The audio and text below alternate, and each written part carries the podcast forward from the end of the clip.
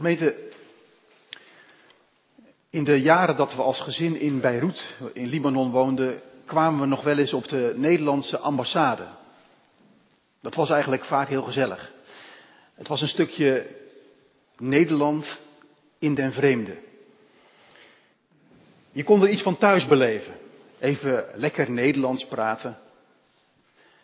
Um, Sinterklaas vieren met een echte goed heilig man. En zwarte pieten en pepernoten. Koninginnedag, zoals dat toen nog heette, met het Wilhelmus, haring en bitterballen. Het was fijn. Het was een kleine, kleine groep die daar in Libanon uit Nederland kwam, dus we leren, elkaar ook wel kennen. Maar zo'n ambassade is ook meer dan een gezellige hangplek, een picknickplek, een feestplek. Dat ontdekten we als gezin al na een jaar.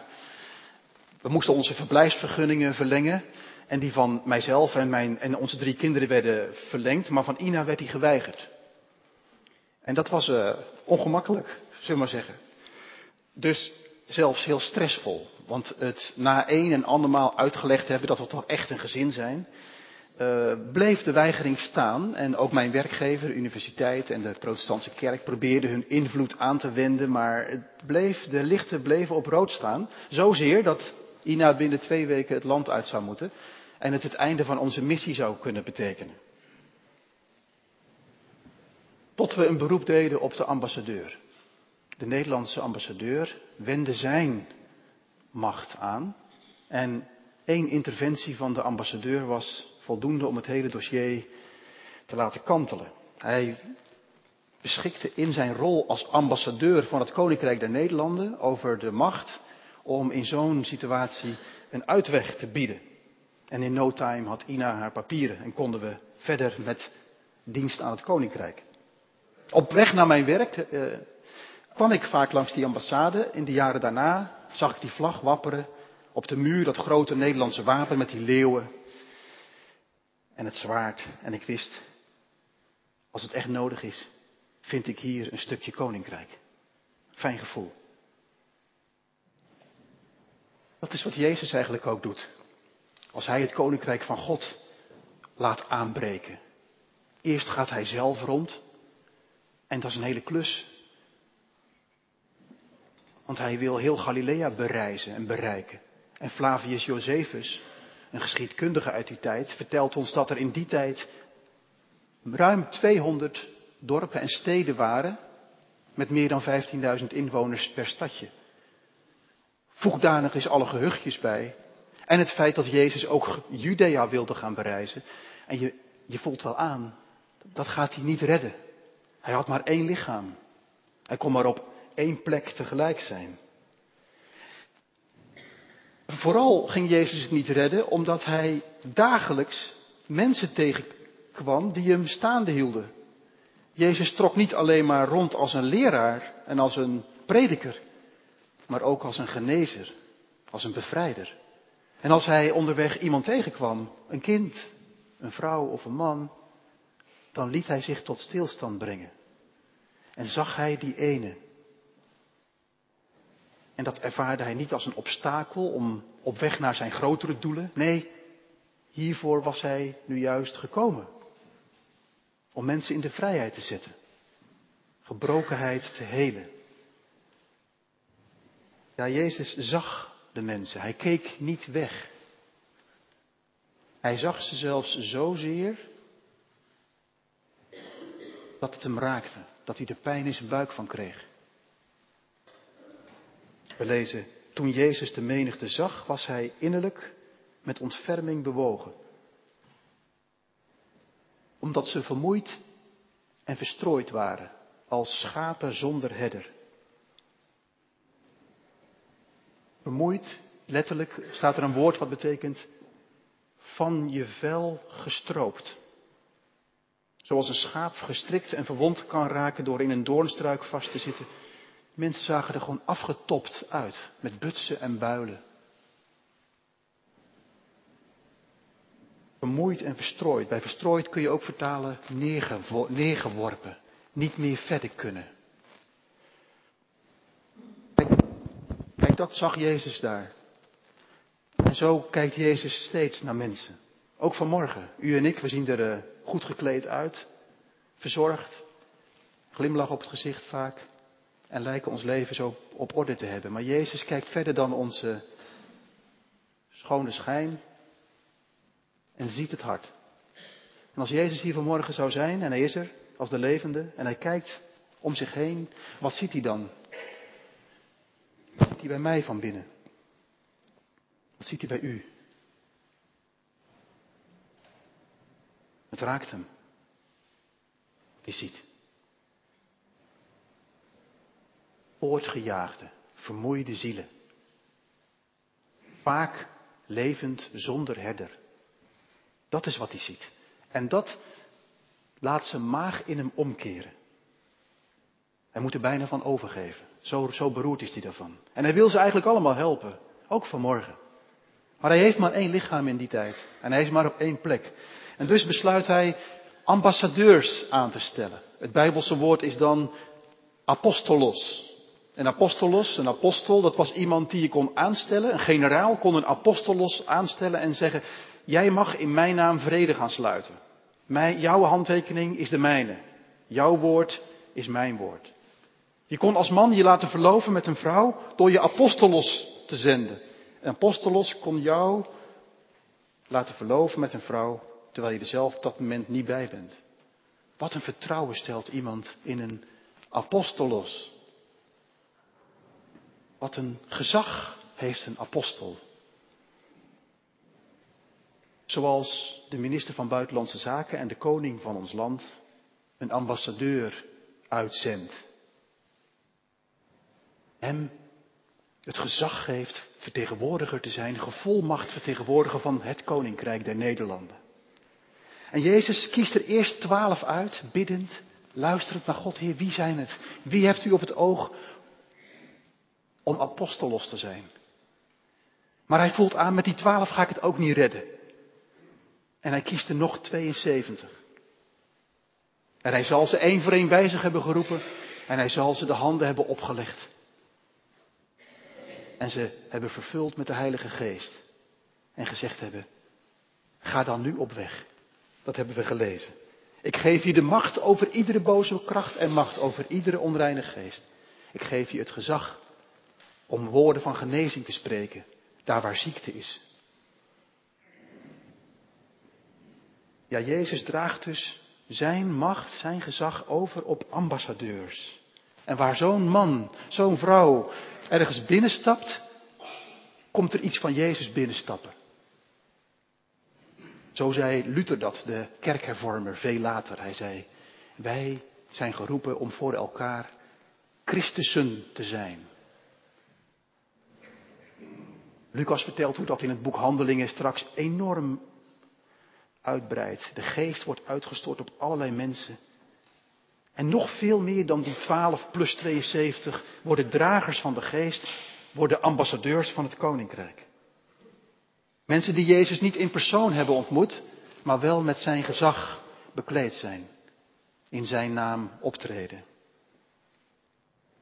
Misschien vindt u het een beetje hoogdravend klinken. Dan zegt u, nou, nou, als ik dat zo lees in Lucas 10, dat Jezus zegt, ga elke ziekte genezen, elke kwaal.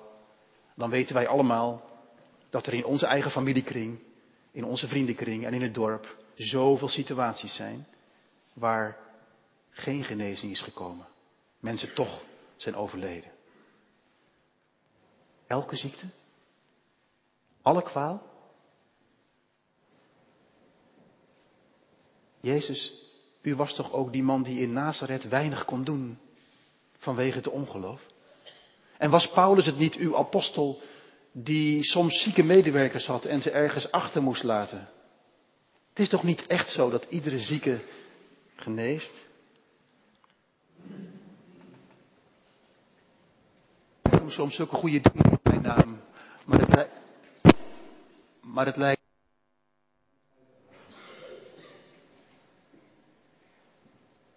Soms bidden we eindeloos voor een wending, een genezing en het blijft uit. Hoe zit het dan? Jezus voelt het ook wel aan. Jezus weet dat het niet zomaar als zoete koeker ingaat, het koninkrijk van God. Het zal botsen op weerstanden. En hij zegt dus, let op, bedenk wel, ik zend jullie als lammeren onder de wolven. En neem geen geldbuidel mee, geen reistas en geen sandalen. Hij stuurt zijn ambassadeurs uit met lege handen, kwetsbaar. Volledig afhankelijk van wie hen ontvangen wilt, waar ruimte ontstaat. Volledig afhankelijk ook van de macht die Jezus hen geeft en alleen daarvan. Het is, een, het is eerst en vooral een, een vredesmacht. Jezus zegt, als je ergens op de deur klopt en de deur gaat open, zeg dan salam, shalom, vrede voor dit huis. Wees een mens van vrede. En als iemand openstaat voor die vrede en je teruggroet met shalom, dan heb je een contact. Je hoeft niks te forceren. Het hoeft niet af te hangen van jouw slimmigheid of van jouw handigheid. Je mag de weg gaan van de open deuren. Kijk maar waar er ruimte ontstaat om iets van het koninkrijk te delen. En begin met vrede. Let maar eens goed op. Welke mensen de Heer op jouw pad brengt, welke situaties Hij jou inbrengt. Het is allemaal niet zo wild en riskant en hoogdravend als u misschien denkt dat het is. Het is kwetsbaar. Het is vanuit vrede. Het begint allemaal met de bewogenheid van Jezus zelf. Met zijn innerlijke ontferming. Met zijn geraakt zijn door wat hij ziet. Ook vanmorgen in mijn leven en dat van u. Hij ziet het. En hij stuurt deze week misschien wel iemand op uw pad. Of stuurt u zelf op pad om bij een ander een woord van vrede te brengen. Aan iemand die leeft zonder herder. Ik vind het zo bijzonder bij Jezus. Compassie, kwetsbaarheid, vrede en tegelijkertijd volmacht, gezag, macht en kracht. Later zal Paulus dat in een prachtig woord aan zijn geestelijke zoon Timotheus precies zo zeggen. Hij zegt, God heeft ons geen geest gegeven van lafhartigheid, maar van, en dan komen die drie, kracht, liefde en bezonnenheid. Daar heb je ze weer. Kracht, liefde en bezonnenheid. Schaam je er dus niet voor om van de Heer te getuigen. Kijk, als Jezus naar mensen kijkt, dan ziet hij dat ze dat ze een speelbal zijn van hun eigen driften, van hun eigen verlangens, van duistere machten en krachten om hen heen in de samenleving, in de geestelijke wereld. En hij weet dat een goed woord niet voldoende zal zijn om ze weer bij de herder te krijgen, om het mensen van vrede te maken. En daarom stuurt hij zijn ambassadeurs door de eeuwen heen uit en bekleedt ze met gezag en met macht. En in beide gevallen, bij de 12 en de 72, zegt hij dit. Als hij ze uitstuurt. De oogst is wel groot, maar er zijn weinig arbeiders.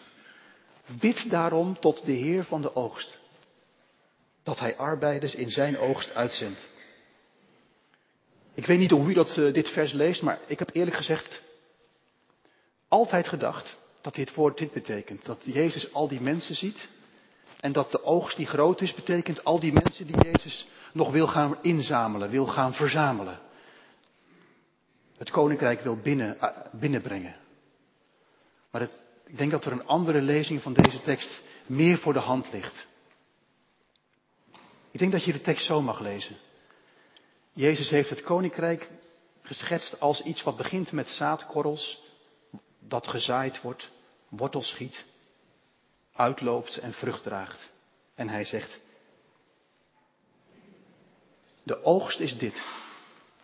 Dat mensen zo worden uitgestoten, staat er letterlijk, in het koninkrijk, dat ze die gaven, die krachten van de geest ontvangen. En zo een volwassen, gerijpte gelovige zijn. En zo een ambassadeur kunnen zijn. En Jezus zegt dus niet, nou jongens, ik stuur zomaar wat mensen erop uit en uh, succes. Nee, hij zegt, ik ben specifiek op zoek naar mensen die doorbreken in vrijmoedigheid. Die het krachtige werk van de geest leren kennen, zelf. En die zo als doorgestoten, uitgezonde arbeiders vruchtbaar kunnen zijn in het koninkrijk. Zo bevrijdend, genezend, helend, vrede mogen brengen bij mensen die leven zonder herder, vermoeid en opgejaagd. En zo kijkt Jezus ook naar de Maranatenkerk in Lunteren. Hij ziet, hij, hij ziet zoveel nood in ons dorp, in uw gezinnen, in, op uw werkplek. Hij leest ieder mens en hij wil voor ieder mens de herder zijn. En hij wil dat ieder van de mensen vrede zal kennen. En hij verlangt ernaar dat op iedere werkplek er een persoon van vrede zal, zal zijn, een ambassadeur. Iemand die echt uitgestoten is. Die weet welke kracht er ligt in de naam van Jezus. Je zult het nodig hebben, want het verzet tegen het koninkrijk kan taai zijn, bij jezelf en bij de ander. Maar het koninkrijk bestaat dus niet in woorden, maar in kracht. Daarom zegt Jezus tot tweemaal toe, bid dan de Heer van de oogst dat hij arbeiders uitstoot. Ik herinner u aan de dienst van eh, de dankdienst net voor de zomer en die van vorig jaar. Hoeveel getuigenissen hebben we in onze gemeente al gehoord? Van wat er gebeurt de afgelopen jaren, gewoon in Lunteren bij gewone mensen. Wat er gebeurt als de een de ander de handen oplegt en zegt, ik zegen je met vrede van God. Ik zegen je met vervulling met de Heilige Geest. Of als iemand ziek is, ik spreek in Jezus' naam genezing over je uit. Heling van je ziel, je geest en je lichaam. We hebben de getuigenissen gezien. Van al die mensen die hebben ervaren. Ik ben na de zomer nog maar twee weken aan het werk en ik heb het alweer bij verschillende mensen meegemaakt. Een intens gesprek. Geraakt zijn door wat er gebeurt in een gezin. Of in een huwelijk. Of in een persoonlijke zoektocht naar God. Aan het einde van het gesprek handoplegging. Vervulling met de geest. En de volgende dag een appje krijgen. Ja, mijn leven is totaal veranderd. Ik sta er zo anders in. Ik kan weer ademhalen. Heb de herder teruggevonden. Daar hoef je geen dominee voor te zijn. Wat zou er gaan veranderen in Lunteren en in de Maranatenkerk? Als er meer arbeiders in de oogst zijn uitgestoten, die hun beschroomdheid van zich afwerpen. En zeggen, Heer, als u de nood ziet op mijn school waar ik werk, in de instelling waar ik in de gezondheidszorg werk, in een bedrijf of in mijn eigen, eigen gezin, laat mij zo'n arbeider zijn. Wij zijn niet op aarde om toerist te zijn. We zijn niet op aarde om een beetje rond te hangen, leuke dingetjes te doen, de volgende vakantie alweer te boeken en van feestje naar feestje te hobbelen. Hoewel ik u al die dingen gun en mezelf ook. We zijn ook niet op aarde om kerkganger te zijn. Dat gevoel kun je soms krijgen, dat je gewoon wekelijks je dingetje doet, naar de kerk gaan, één keer, thuis een beetje je dingetjes doen, gebedsmomentje, Bijbel lezen, als er al van komt. Dat je denkt, oké, ik heb mijn religieuze dingetje gedaan. Daarvoor zijn we niet op aarde, beste vrienden. We zijn geen toeristen. We zijn ook niet per se bedoeld als kerkgangers. We zijn ook niet bedoeld als noeste werkers alleen. We zijn niet bedoeld per se om de ijverigste te zijn van de klas thuis en op school en in de gemeente. God heeft geen arbeiders nodig. Hij heeft arbeiders nodig die uitgestoten zijn. Die in de vrijheid zijn gezet. Die zelf weten wat het is om bij de herder te zijn. Ambassadeurs. Die als ze ergens zijn of binnenkomen. Of als mensen bij hen komen merken. Hier is vrede. Hier is liefde. Hier is compassie. Hier is ruimte. Om er te zijn met mijn butsen en builen. Mijn verlangen voor het komend seizoen zou zijn dat er in onze kerk en in ons dorp arbeiders worden uitgestoten.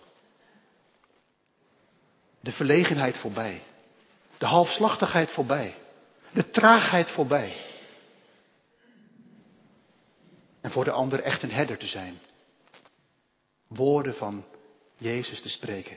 Daar waar het mag. Daar waar God de deur zelf opent. Ik bid dat ons dorp vervuld zal zijn met huizen van vrede. Dat als je door het dorp fietst, dat je weet, daar is een ambassade van het koninkrijk. En daar is een ambassade. En daar is een ambassade. Want daar wonen mensen met een herdershart. En mijn vraag aan u en aan jou is, is, is deze, en aan mezelf. Is uw huis een ambassade van het koninkrijk? Bent u een ambassadeur in persoon, omdat u zo thuis bent gekomen bij de koning zelf? De, de, de vraag galmt door de hemelse gewesten. Nog steeds. Wie zal ik zenden? Ik zie de nood. Jezus zit, op zijn troon en hij ziet die nood en hij hoort de mensen huilen en zuchten. Hij ziet de nood. En de vraag klinkt dag na dag door de hemelse gewesten. Wie zal ik zenden? En God wacht tot er iemand opstaat in onze gemeente en wereldwijd die zegt, Heer, hier ben ik. Zend mij. Ik heb niet genoeg aan kerkgang. Ik wil niet leven als een lege toerist. Ik wil niet straks begraven worden als een noeste werker, lief en zorgzaam. Laat mij een ambassadeur zijn, een uitdeler van de oogst. Een uitdeler van genade en vrede, van hoop en kracht, van genezing en bevrijding. En brengt u dan maar op mijn pad die u wilt. U bent de Heer van de oogst. Laat mij dienen om de oogst uit te delen. Zou dit uw jaar kunnen zijn? Zou dit jouw jaar kunnen zijn? Het moment van doorbraak. Je straks thuis komt en tegen je partner zegt: Ik ga een nieuw begin maken. En leven als een ambassadeur. Werp de schroom toch van je af. De oogst is groot. Er zijn zo weinig arbeiders. Zo weinig personen van vrede. Kijk om je heen. En zeg het vandaag. Tegen de koning zelf. Hier ben ik, Heer. Zend mij. Stoot mij uit in uw oogst. Amen.